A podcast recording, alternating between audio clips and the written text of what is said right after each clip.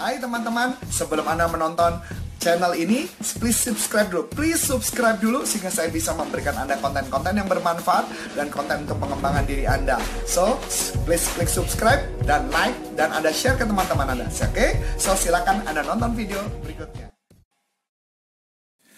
Halo, selamat pagi. Berjumpa lagi bersama saya Coach Antoni Sarif. Kali ini saya meneruskan tentang life force particle, mengenai life zone dan sebagainya. Saya akan membahas lebih dalam. Apa yang membuat seseorang gitu ya, kenapa dia ketika menjalankan sesuatu tugasnya, membuat planningnya, menjalankan, kemudian dia kehilangan fokus gitu ya. Nah, Alan Walter dia menyebutkan bahwa yang disebut namanya eh, problem tersebut orang yang fokusnya teralihkan disebut namanya fearing disease, fearing disease. Nah, ini menarik orangnya misalkan saya ambil contoh fearing disease itu seperti apa? Contoh misalkan anda punya planning mau prospek. Anda sudah datang ke tempat customer terus kemudian ternyata akhirnya anda nggak jualan tapi anda malah hanya ngobrol-ngobrol saja. Itu disebut fearing disease atau contoh lagi anda pengen membesarkan bisnis dengan pasangan anda tapi akhirnya malah terjadi perdebatan bukan berkaitan tentang bisnis tapi berkaitan tentang hal-hal lainnya. Nah, itu yang disebut fearing disease. Nah, Akibatnya orang tersebut yang fearing disease tidak pernah bisa fokus melakukan sesuatu.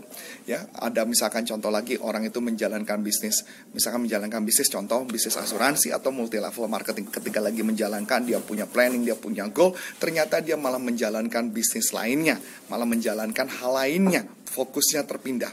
Karena kita bisa kasih gambaran bahwa ketika fokusnya terpindah, makanya dianya tidak akan pernah bisa mencapai tujuan. Kenapa orang bisa fearing disease? Kembali lagi, menurut Alan Walter, orang yang bisa orang yang bisa fearing disease itu terjadi karena life force partikelnya sangat rendah. Life force partikelnya sangat rendah sehingga membuat dia fearing disease ya. Jadi kalau Anda masih lagi bertanya apa sih life force particle, Anda nonton saja video saya yang sebelumnya, cari di sana, nanti Anda akan menemukan di sana.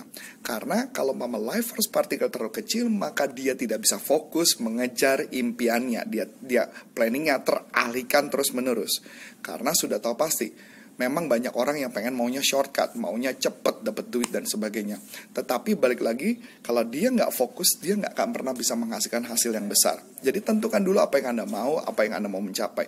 Bukan salah, tapi anda tentukan apa yang anda mau dulu dalam kehidupan anda. Begitu juga saya sebagai seorang trainer, sebagai seorang coach, saya ketika awal-awal dalam bisnis saya, dalam profesi saya, saya harus fokus menjalankan walaupun godaannya banyak godaan untuk mendapatkan uang lebih besar banyak. Tapi pertanyaan menarik ketika saya menjalankan profesi saya sebagai trainer dan coach, ternyata ketika saya fokus saya juga tetap bisa menghasilkan uang yang sama besarnya dengan yang apa saya mau kejar, gitu ya. Dan uang yang sisa uang yang yang saya dapatkan tersebut bisa saya olahkan, saya bisa ternakan istilahnya ya.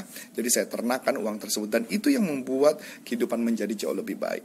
So balik lagi, fearing disease adalah enemy buat kita enemy membuat kita pengen menjadi sukses, pengen mencapai tujuan. Kalau kitanya sendiri teralihkan dengan mudah, walaupun kita nanti punya tim, maka tim kita akan ngikutin kita, fearing disease juga. So, istilahnya pohon tidak jauh, uh, buah tidak jauh dari pohonnya. Pasti Anda pernah dengar itu. So, balik lagi, life force partikelnya harus dibereskan. Kalau dengan dibereskan akan lebih baik hasilnya. Bagaimana cara ngeberesinnya? Ada di video saya yang sebelum-sebelumnya. Apa yang harus dilakukan untuk life force partikelnya supaya hasilnya lebih baik. Saya Antoni Sari, banyak terima kasih. Sukses buat Anda. Sampai jumpa. Terima kasih. Bye-bye.